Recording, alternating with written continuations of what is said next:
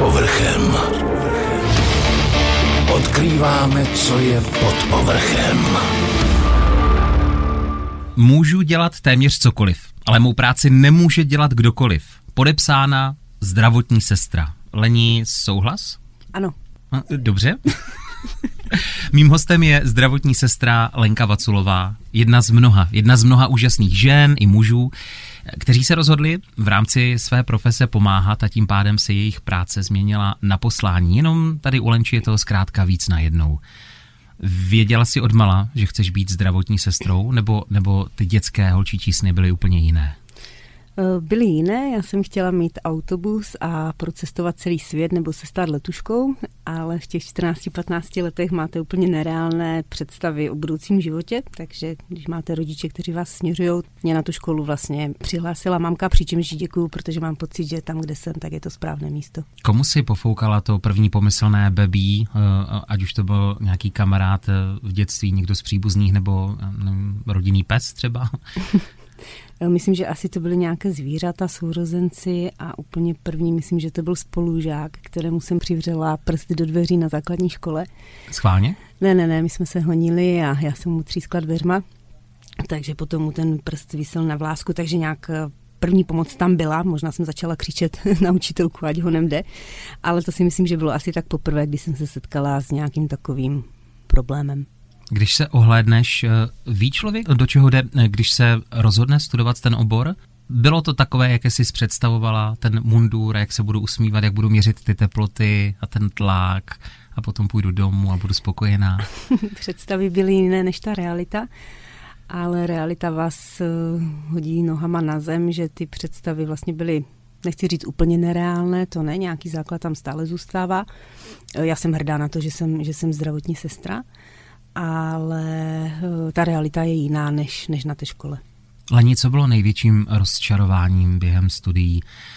Člověk dělá kolečka, eh, potkává pacienty, poznává lidi, sám sebe, vlastně svou odolnost. Tak eh, co tě nejvíc překvapilo během toho, když se stávala tou sestrou? Hmm, že nespasím celý svět a nezachráním všechny. Jo, že opravdu člověk musel upustit od nějakých těchto představ, nastavit si určité mantinely takže asi tohle bylo nejhorší, že opravdu ten svět nespasím a nezachráním. Uvědomila jsi někdy v té době, že vlastně ta matka příroda ví, co dělá a že někdy si to rozhodne sama podle sebe. Asi tak? Asi tak, některé věci, věci nezvrátíte a nikdy byste se na hlavu stavili. Je víc lidí, tedy z té řady skupiny lidí, které znáš v tomhle oboru, kteří obor vystudovali a věnují se mu pořád? Anebo řada z nich no, prostě utekla ze zdravotnictví a dělá něco jiného. Hmm. Možná v rámci, v rámci těch uh, zdravotních sester. Hmm. Z mojí třídy vlastně, co, co vím, se kterými jsme v kontaktu, tak ve všichni jsme ve zdravotnictví, bylo tam pár spolužaček, ale řádově v počtu na jedné ruce tak eh, očkoli vlastně se tomu nevěnovali, ale po těch 15 nebo 17 letech eh, díky covidu, kdy přišli o svoji práci, tak vlastně k tomu zdravotnictví zase přičichli a zase se tomu věnují, protože to byla jistota v té době. Kde všude si ty své zkušenosti sbírala ty osobně? Teď myslím v roli toho ošetřujícího anděla jménem zdravotní sestra nebo dobrovolník. Mhm. Po škole jsem se věnovala vlastně v centru Benjamín, který u nás v Krnově působí. Tam jsem byla jako dobrovolník vlastně pro tělesné a mentálně postižené. Tam jsem měla jakože ergoterapii. Potom jsem šla do Mladé Boleslavy, kde jsem byla na chirurgii, na špinavé části. Tam jsem měla i zkrácený úvazek na chirurgickém MIPu a potom jsem byla v dětském domově pro děti 0 až 3 roky. Potom na mateřské, Charita, Krnov, domácí péče 8 let a teďka 7 měsíců u nás v nemocnici na chirurgicko-urologickém oddělení. Já když nevím, tak se ptám, co, co je špinavá chirurgie? Ne, ne, nezní to čistě. Eh, není čistá. Standardní oddělení je rozdělené vlastně na aseptickou část, kdy jsou vlastně pacienti, eh, kdy se jim rány hojí per primam, to znamená vlastně, že hned, ale potom pokud se rány rozpadnou, mm-hmm. hojí se delší dobu, tak je to vlastně špinavá. Není to jenom o těch ranách, ta špinavá chirurgie, ta mezoseptická, ale je to třeba i nějakém infekčním onemocnění u chirurgických pacientů a tak ta škála tam rozdělení je, je velká. Dětský domov 0 až 3 Je to něco podobného, co známe pod výrazem kojeňák, nebo je to trošku jiná kategorie? Já o něm nikdy neslyšel. Mm-hmm. Je to podobné, dneska se to, myslím, jmenuje Dětské centrum. Spadalo to vždycky pod tu Klaudianovou nemocnici, kde jsem pracovala a je to opravdu vlastně jako dětský domov, jako kojenecký ústav. Zná člověk i příběhy těch dětí? Eh, to, jak se tam dostali, nebo potom radši moc nepátrá? Mm, znáte. Jo, většinou znáte ten zdravotník, opravdu máte přístup k těm informacím, takže ano, znáte příběhy těch dětí. A takové ty slavné filmové scény eh, z dojemných psychologických filmů, když sestřička kráčí po té chodbě a dítko, které si ji tak nějak jakože adoptovalo samo pro sebe, považuje za maminku, tak, tak ji obejme a další děti koukají.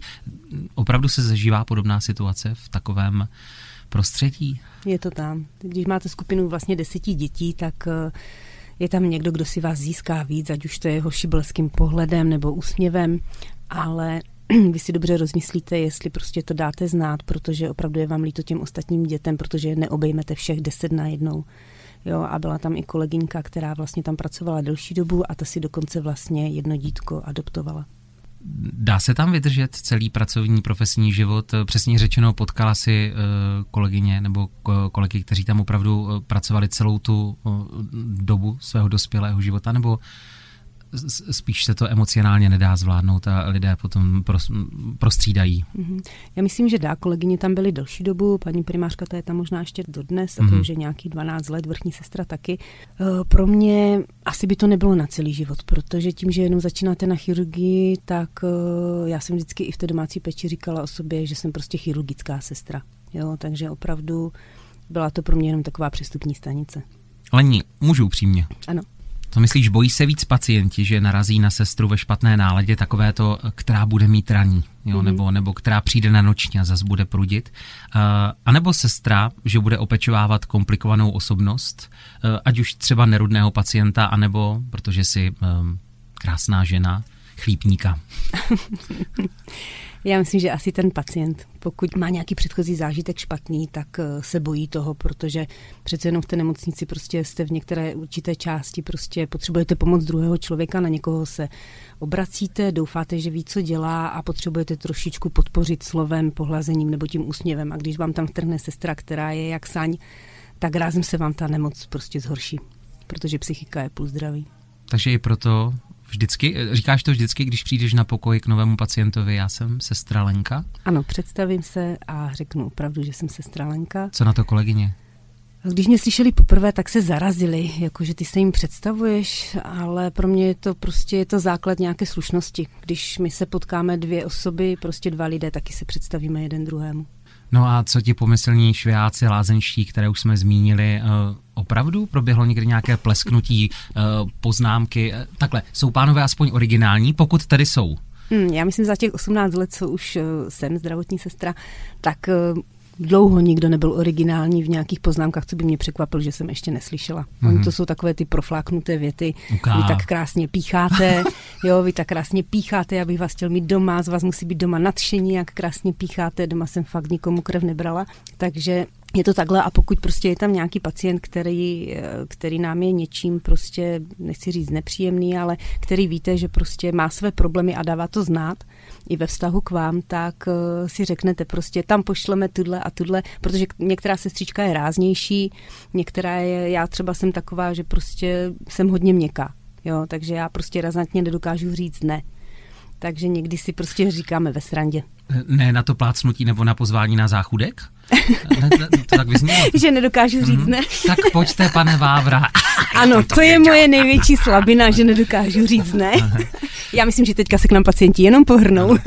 Hele, eh, je pravda, co se říká o doktorském písmu, nebo je to fáma?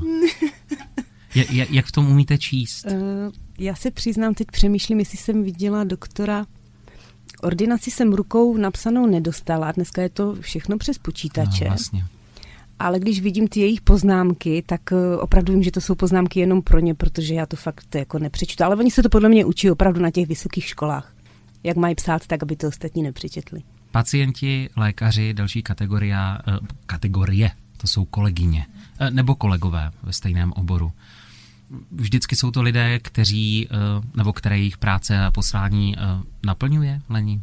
Já myslím, že v určité fázi určitě, jo, člověk je prostě naplněný, jo, má to takovou, to zdravotní povolání, takovou přidanou hodnotu, mm-hmm. aspoň, aspoň pro mě má to prostě smysl a pro mě to má to vnitřní uspokojení. Postupem času možná právě to je tím, že člověk by si představoval něco jiného a časem prostě člověk může, může otupět, může prostě vyhořet. Jo. A jsme jenom lidi. Přesně tak. Ty jsi někdy sama emočně bouchla? Eh, projevily se ty emoce v rámci té chvilky v nesprávném prostředí v ne, nebo v nesprávném momentě? Eh, jednou jedinkrát, nebo aspoň teda, co si pamatuju, jestli to bylo víckrát, tak se dotýčným omlouvám, hmm. ale eh, jednou jedinkrát to bylo u paní, kdy jsem měla hodně pacientů, měla jsem taky nějaké osobní problémy a mm, brala jsem jenom krev a Eh, čtyřikrát za sebou, když posloucháte ten stejný příběh a víte, že ten člověk chce, abyste mu dali nějakou radu nebo mu nějak pomohli, ale není to ve vaší silách v tu chvíli, takže jsem opravdu jenom zvýšeným hlasem prostě řekla, mě to opravdu nezajímá, já vám prostě nepomůžu. Ale pacientka viděla jsem slzy v očích, mě to taky mrzelo, takže samozřejmě jsem se hned omluvila. Eh, řekla, že pochopím, když si na mě bude stěžovat, ale že opravdu prostě jí nemám jak pomoct. Jo? A neříkám, že to byla otázka v něčem, v čem bych mohla pomoct. To ne. Když už jsi zmínila to slovíčko stížnost. Když už něco takového proběhne, nemyslím, že by to bylo z tvé vlastní zkušenosti, ale určitě si eh, viděla, slyšela třeba u kolegů v minulosti. Jak se to tady potom řeší, když opravdu pacient eh, někde řekne, tady byl problém s tímhle zaměstnancem, jde člověk na kobereček, eh, řeší se to oko v oko nebo mezi skupinou lidí, dává se výstražný případ? Mm, v těch zařízeních vlastně funguje třeba i kniha přání a stížností, takže pokud je nějaký problém, tak vlastně pacient může tam. A to není jenom v obchodech? ne, i v nemocnici je kniha přání a stížností. Hmm. Z hodou okolností včera jedna paní nám tam psala, teda psala jako pochvalu, jo, nestěžovala si. Kde ji najdeme? Eh, každé oddělení to má u sebe, je to na vyžádání. Ach tak, dobré vědět, děkuji. Ano, ano, rádo se stalo. Je to na vyžádání a samozřejmě pokud je nějaký problém, tak se to potom řeší vlastně s nadřízeným. Jo? Mm. Pokud dojde i k nějaké majetkové újmě, újmě nebo finanční, prostě, že někomu třeba něco rozbijete, což jsem se nikdy nesetkala, ale většinou se to řeší vlastně buď nějakou domluvou, pokud tam nedojde k ohrožení života toho pacienta, anebo jsou tam prostě různé věci, které se musí potom psát a dokumentovat. Ty jsi eh, na moment, na nějaký čas od té běžné představy práce zdravotní sestry třeba v nemocnici eh, odskočila eh, pracovat pro domácí péči. Mm, ten důvod a mm, zavnímala si nějak potom změnu, jako sama sebe, nebo v podstatě povinnosti, nebo ta odpovědnost je úplně stejná, protože to dojíždíš do jednotlivých domácností a možná je to trošku osobnější, ne? Hmm. Proč jsem šla k domácí hmm. péči pod Charitu Krnov po mateřské? Hledala jsem prostě ranní směnu, tak jako spousta sestříček, které jdou po mateřské do práce a hledali zrovna sestru. Takže jsem se přihlásila, bylo výběrové řízení a vybrali si mě, čímž děkuju a mě ta práce dala hodně. Eh, změnila můj pohled vlastně vnímání pacienta, že pacient není číslo, protože poslední předchozí zaměstnání jste měli v nemocnici a v té domácí péči je to ještě navíc vlastně církevní organizace, takže eh, ta práce byla úplně jiná, úplně o 180 stupňů vás to prostě otočí, ale k lepšímu. Určitě člověk je pokornější. Nicméně v jeden moment uh, tě to zaválo, nebo mohlo zavát spíš ke stolu a papírům, Um, přišla tam nabídka být tou vedoucí a úřadovat. Přijala si ji uh, a jak se s tom cítila, protože vím, že dneska už se zase zpátky v provozu. Um, jaké to bylo? Přijala jsem ji, protože bylo potřeba, aby to někdo dělal. Mm, byla to strašně velká zodpovědnost, jo, kdy opravdu prostě mm, děláte vyučtování na pojišťovny prostě za, za, za péči a na těch penězích prostě neříkám, že je závislá ta organizace, ale prostě je to velká část peněz, která vlastně se hodí do rozpočtu takže bylo to, bylo to pro mě náročné, protože jsem vlastně jezdila terén, nechtěla jsem ho pustit, takže jsem prostě denně si objela 6-7 pacientů, musela jsem napsat vlastně papíry k ním, dekurzy mm. a potom ještě tu práci té, té vrchní sestry. Takže bylo to náročné, ale časem prostě jsem věděla, že, že to nechci prostě dělat, protože víc a víc jsem měla ten čas trávit v kanceláři, takže jsme se domluvili, převzala to jiná sestřička a já jsem šla poté zpátky vlastně do terénu k těm pacientům. A potom zpátky do nemocničního prostředí jako uh, takového, proč, proč opět ten zvrat, ta horská dráha? Mm. Uh, finance? Finance. Finance, opravdu, Máma. jak se všechno, mm. jak se všechno zdražovalo, tak prostě opravdu člověk si rozmyslí, jestli bude otáčet prostě korunu třikrát, anebo jenom jednou. A půl roku. Bylo to hodně těžké období, půl roku jsem si sepisovala všechna pro a proti, tak nějak jsem to i možná odsouvala, čekala jsem, že se to nějak vyřeší. Člověk doufá, že v těch sociálních službách se navýší ty mzdy, ale e, nenavýšily, takže opravdu finančně a možná už jsem taky potřebovala i trošičku změnu, ale hlavní důvod byly ty finance. Lidská stránka je hodně důležitá a nejenom mezi uh, pacientem a třeba zdravotní sestrou nebo pacientem a lékařem, ale i mezi nebo vnímám to dodnes jako dvě takové jako na sobě nezávislé složky, přitom musí kooperovat uh, zdravotní sestry a lékaři. Mm-hmm. Většinou si navzájem vykají a, a většinou tam cítím, ne, ne, no dobře, jsem jenom rád, že ne, a většinou tam cítím opravdu úctu ze strany zdravotních sester a občas, když si věří druhá strana, tak takový jako jak to mám říct, že se trošku kouká ten pan doktor z hory na ty sestřičky. Um, je to tak oddělené, jak, jak to vnímám? Nebo... Já jsem se s tím nesetkala. Třeba teďka, co jsem těch sedm měsíců v té nemocnici, tak já si myslím, že jsme takový tým, že prostě opravdu, jak my, jak my sestry bereme lékaře, tak mm-hmm. prostě lékař bere nás, protože přece jenom lékař ty ordinace napíše, ale já jsem tak, kdo je plní. Pro mě je důležitá hodně komunikace, pokud je nějaká ordinace, které nerozumím, nebo si myslím, že není úplně košer, tak žádám vysvětlení a ti lékaři vysvětlují. Opravdu mám pocit, že jsou to dvě složky té péče, kdy opravdu musí fungovat ta lékařská i ta vlastně sesterská, ošetřovatelská, takže já myslím, že ta komunikace tam je důležitá a mně se dobře takhle pracuje, jo, že opravdu ti lékaři jako komunikují. Jo. Jedeš klasicky dvanáctky a směny? Ano, ano, na směny. A synovi je 11 roků? Ano. Je podporovatel, nebo někdy tam byla ta smutná očička třeba před noční, mámo, ty zase musíš do práce, jak, jak, jak to s tebou žije? Když mám víkend nebo noční, tak ho hlídá mamka, za co strašně moc děkuju, protože nebydlí, tak bych to vlastně nemohla dělat, musela hmm. bych být na tu ranní směnu někde. Mm, někdy si zoufne, jako že jdu zase do práce, ale je v tom věku, kdy já jsem na zkracený úvazek, takže teďka se ptal prostě, a když už půjdeš na ten celý, tady máš volno, jo, takže třeba celý týden jsem doma a když nemám jinou aktivitu, tak prudím ho, že jo. Takže někdy je rád, že si odpočine a že má to svoje, tu svoji volnost. No. A prudíš, jak si použila výraz, někdy sama sebe v tom dobrém slova smyslu, eh, jak, jak odpočíváš od toho všeho? Nebo přesně řečeno, jak poznáš, že vlastně už potřebuješ vypnout? Eh, potřebuju vypnout po každé směně, co přijdu domů, potřebuju svoji půl hodinku klidu, protože přece jenom 12 hodin prostě komunikujete s lidmi, i když třeba někdy eh, to oddělení je klidnější, kdy máte třeba méně pacientů, ale pořád jste vlastně s někým, s někým u sebe, ať už to je kolegyně nebo ošetřovatelky, hmm. takže prostě fakt potřebujete vypnout a nic neřešit, nikoho neposlouchat a opravdu mít v hlavě prostě prázdno. Někdy to je těžké, ale většinou se mi to daří. Potom relaxuju vlastně sportem, řekla bych, že už jsem závislá vlastně na crossfitu, což je kruhový trénink, kdy jsme parta lidí, kdy vlastně dvakrát nebo třikrát do týdne máme svoje tréninky. Přičemž, že teda zdravím, máme úžasného trenéra, kterému moc děkuji, že ve svém volnu se nám věnuje a vede nás.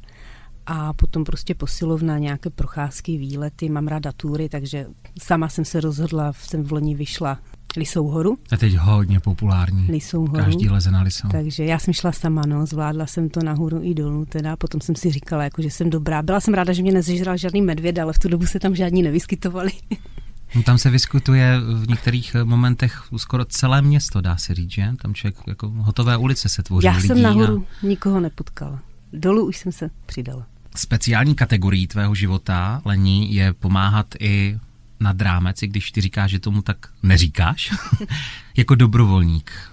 Opravdu to fyzicky hřeje na těle a na duši, když člověk nezišně pomůže dobré věci, když prostě udělá něco navíc, i když opět opakuju, ty to jako něco navíc nepovažuješ.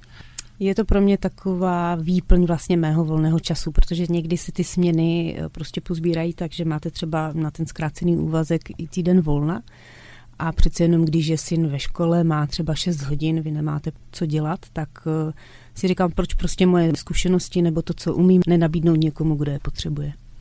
Když Takže... jsem si studoval, pardon, eh, materiály nadace Pavla Novotného, ano. jen připomínám, schoda men se slavnými tvářemi české scény pouze náhodná, tam se teď přihlásila nově jako dobrovolník. Eh, uvědomil jsem si, že to je velký projekt a ten se nesoustředí pouze na jednu věc. Ty znáš Pavlův příběh?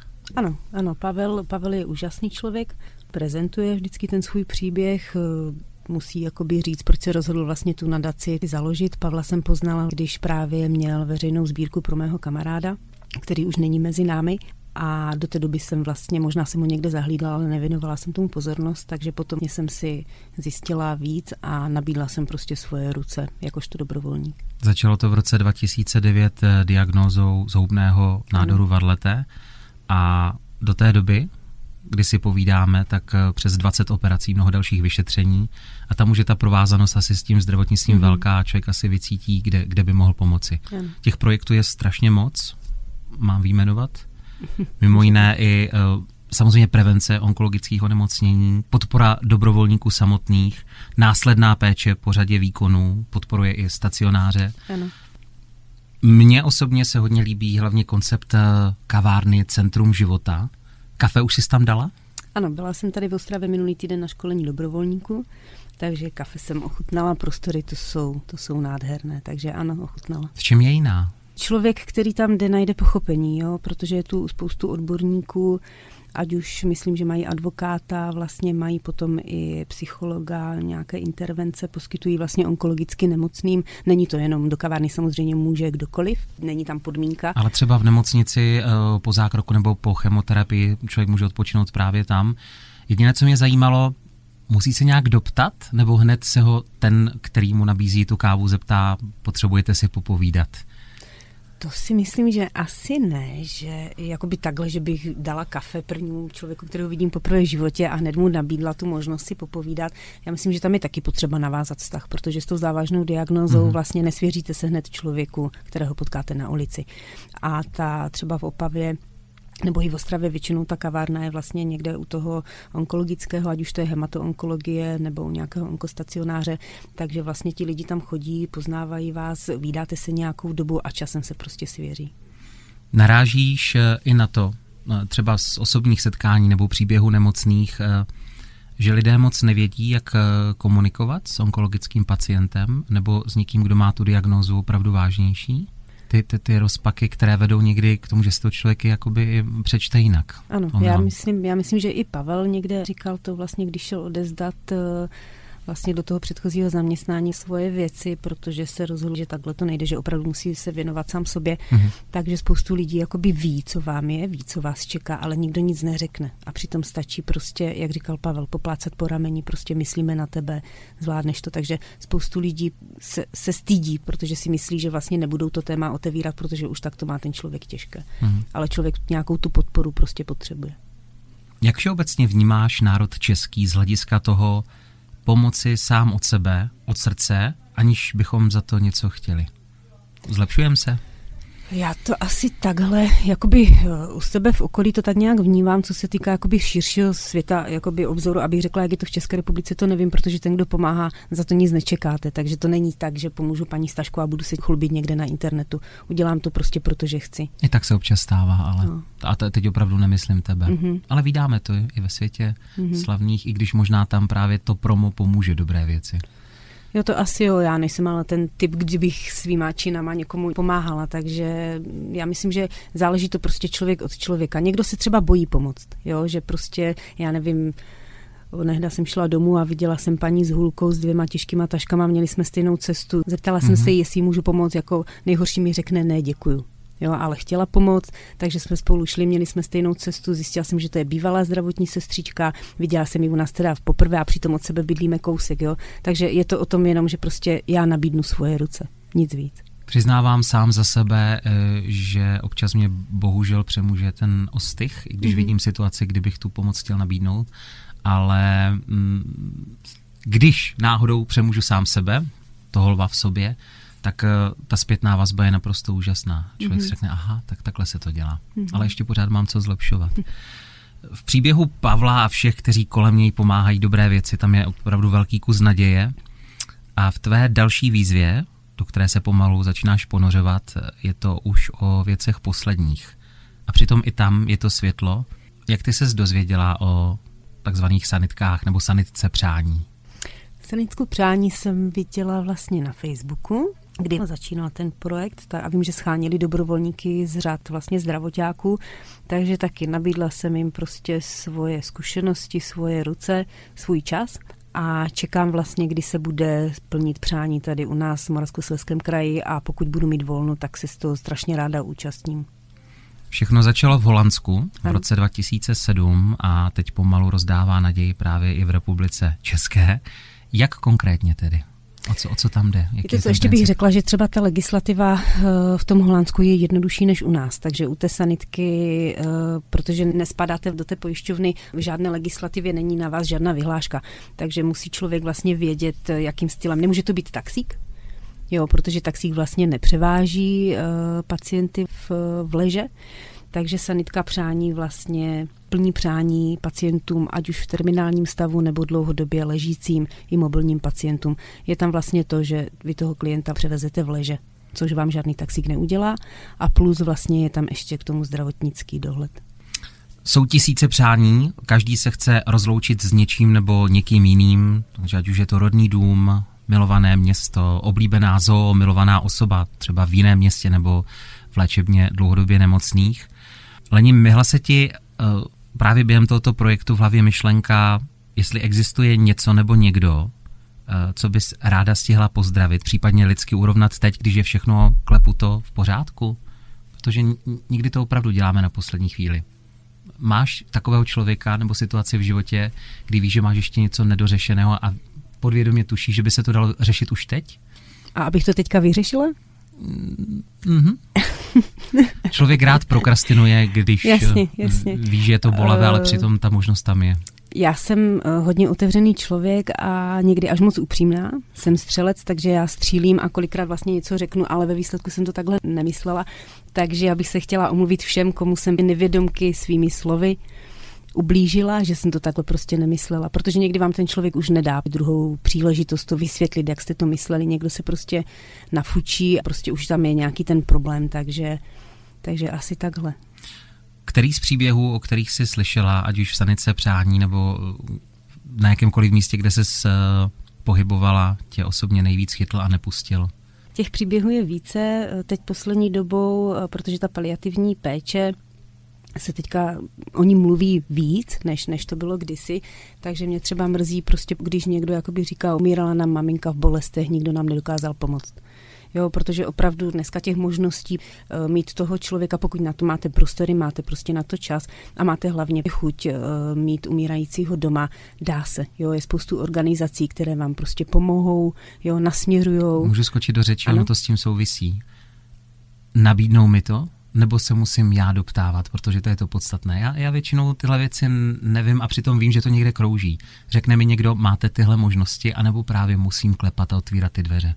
Dá se, ale jako pokud, pokud, mi to? Eh, pokud vlastně ten člověk už je někde v nějaké ambulanci vlastně vedený, eh, když je to třeba, když zmíním tu onkologickou, tak já myslím, že, že tam personál je erudovaný o nějakých možnostech, jo, a vždycky někdo prostě řekne, že buď domácí péče nebo mobilní hospic, ale dneska vlastně tím právě, jak jsme mladší, tak na těch sociálních sítích je to všechno hmm. prostě dobře propagované, takže když člověk chce a zajímá se i dopředu, tak, eh, tak já myslím, že dá se.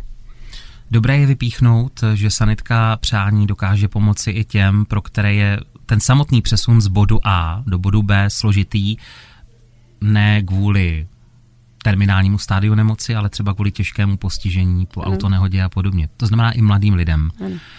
Ty si za život těch osudů stihla navnímat hodně. Naučila se takzvaně odosobnit, když je to nutné? Ne, člověk si určí hranice, určí si ty hranice, ty mantinely vlastně vevnitř, ale někdy prostě, když ten příběh je silný, tak, tak vás to dostane. My jako zdravotáci prostě není špatné, když prostě taky pláčem. Jo, vždycky mi bylo štěpováno tak nějak do hlavy, že prostě když to je v domácí péči a opravdu prostě stane se tam něco špatného, já můžu tu slzu taky uronit, neměla bych brečet víc než ta rodina, ale nemusím prostě ty slzy zadržovat, jo, takže eh, těch příběhů je prostě spoustu, co, co mě nějak zasáhly. Já bych řekla, že tou smrtelností jednoho si uvědomím svoji nesmrtelnost. Takže každým tím odchodem vlastně člověk tak nějak, nechci říct, že přehodnotí, protože ty hodnoty už možná nějak máte, jenom se věkem prostě mění. Ale vždycky vlastně ten, ten odchod samotný, tak nějak člověk začne přemýšlet o věcech, kterých běžně nepřemýšlí nebo je odsouvá. Máš pořád někde v sobě v paměti ten první profesní odchod ze života? tu první smrt v roli, kdy ty jsi byla na té straně té zdravotní sestry? Ano, na ten, na ten nikdy nezapomenu, byl to, byl to mladý pán, tam byla rakovina slinivky. A bylo to hodně náročné. Eh, byla jsem u nich večer a eh, loučil se, stihl se rozloučit. Ten otec, muž, partner, otec eh, nejenom s manželkou, ale i s dětma a rozloučil se i se mnou. Takže to bylo hodně pro mě emotivní a, a bylo to krásné, protože byla tam ta možnost vlastně se rozloučit. Jo, byla, byla jim dána, mohli si říct to poslední s Bohem a děkuju a za to všechno vlastně já jsem vděčná, že jsem tomu mohla nahlížet, že mě pacienti a jejich rodiny vlastně mm, pozvali k sobě domů a byla tam ta možnost. Jak to vnímáš eh, z profesního hlediska a vlastně i toho ryze osobního? Eh, je už česká společnost otevřenější ke komunikaci o odcházení, o posledních věcech člověka, tedy o smrti? Pokud se bavím s někým vlastně, kdo už má zkušenost s odchodem, ať už vlastně s blízkým, že byl sám pečující, anebo v roli vlastně zdravotáku, tak uh, tam problém není, ale uh, co takhle pozoruju, tak stále ještě je. Jo, protože spoustu lidí vlastně to bere jako mm, opravdu takové jako zahalené, zahalené tajemstvím pod černou rouškou. Víme, že ta smrt vlastně si nevybírá, ať už uh, jsme bohatý, chudý, zelený, červený, žlutý ale eh, jde o to jenom prostě nebát se otevřít to téma a vlastně člověk nad tím začne přemýšlet a jako já myslím, že, že člověk by měl přemýšlet, jo, protože je to nedílnou součástí vlastně našeho života. Den předtím, než jsme se tady sešli, jsem se dočetl, že zpěvák Ed Sheeran uh, plánuje své posmrtné album. On už na něj píše písničky a až jednoho krásného dne, doufejme, že za dlouhé desítky let tady nebude, tak vyjde a bude prý geniální. Mm-hmm. Co je pravdy na tom, že že si i ty plánuješ svou vlastní smrt? tak já zpívat neumím, takže já CDčko vydávat nebudu, ale uh, neplánuju jako v tom, v tom smyslu, že bych se zprovodila sama ze světa, to ne, já život miluju, ale na moje umírání.cz vlastně jsou to webové stránky od cesty domů, tak může člověk vlastně tam naplánovat eh, si od toho vlastně, jaký by si přál třeba parte, eh, smuteční oblečení, v čem chce být oblečen, co se stane s jeho věcmi. Jo? Potom to pošlete vlastně na e-mail tomu, komu důvěřujete nebo komu vlastně jste o tom řekli a máte to, protože ten život je tak křehký, že ze dne na den můžete odejít a potom pozůstali, protože o tom s váma nemluví, takže prostě ti, co vám zařizují vlastně to poslední rozloučení, tak neví, jak byste si to přál. A díky tomuhle prostě budou vědět. Jo, protože většinou tam dochází, že e, tetička to chce takhle, bratranec to chce takhle a už se tam prostě hádají a jenom si domýšlí, jak by to chtěl sám ten neboštík. Jo. Samozřejmě mm, legislativa nevím, jak se k tomu jakože kouká, ale myslím si, že prostě pokud, pokud je někdo, kdo to ví, tak prostě to potom směřuje celé vlastně to rozloučení tím směrem, jako byste to chtěl vy sám. Taky doufám, že to bude za, za hodně, hodně dlouho v tvém případě. Nicméně, až to tedy se všechno splní do puntíku, mm-hmm. co je potom podle tebe? Mm, podle mě, já jsem dříve byla prostě zapřísáhlý ateista a k čemu jsem neměla důkazy, tomu jsem nevěřila ale ta práce v tom domácím prostředí, eh, stane se pár věcí, kdy prostě opravdu začnete přemýšlet, jo, a stalo se pár událostí, kdy jsem si říkala, ty body, to není možné, jak se to mohlo stát, nebo jak to ti lidi věděli a pídíte se a hledáte, chcete důkazy a ty vám stejně nikdo nedá, ani kněz v kostele, kterého stále otravujete, ale potom, když vám prostě někdo řekne, tak to přijmi, přijmi, že opravdu něco je po životě, tak eh, když jsem to přijala, tak opravdu vnitřní klid, a na to umírání už se dívám jinak. Takže ano, já věřím, že posmrtný život, eh, doufám v něj teda, že je a že, že něco když se ptali herečky Betty White, která se dožila téměř stovky, jestli se bojí toho odchodu, tam někam říká nebojím, protože já se konečně dozvím, co je potom. Ta, ta, ta výzva. Eh, každý říká něco, ale nikdo to neví úplně přesně a já se to konečně dozvím. Akorát vám toho nedám vědět. Kauza Pytel. Když jsem dostával informace o tobě, eh, abychom si mohli povídat co nejzajímavěji, tak jsem slyšel o kauze Pytel, přesně řečeno Pytle, eh, v nejmenovaném ústavu, kde si taky svého času pracovala. Um, no a teď už doplňte. To, to jsou, takhle, to jsou běžné maličkosti člověka, které tě dělají výjimečným a lidé by to měli slyšet. S postupem času opravdu člověk eh, přemýšlí nad věcmi, které vám dřív prostě přišly úplně běžné, nezamýšlela jste se nad nimi.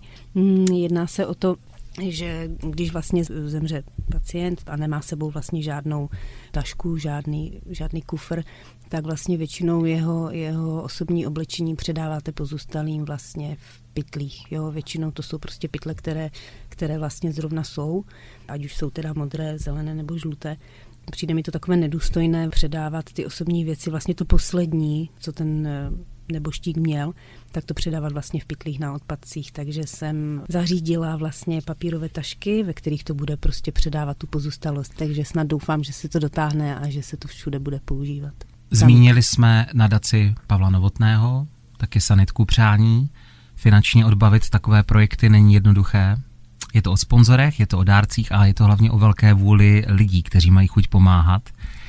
Mají podle tebe všichni, které si za tu dobu v té charitativní činnosti potkala něco společného? Jako, jako lidský nějaký jednotící prvek? Ty jsi toho součástí. Hmm, já myslím, že máme chuť pomáhat, i když nemusíme.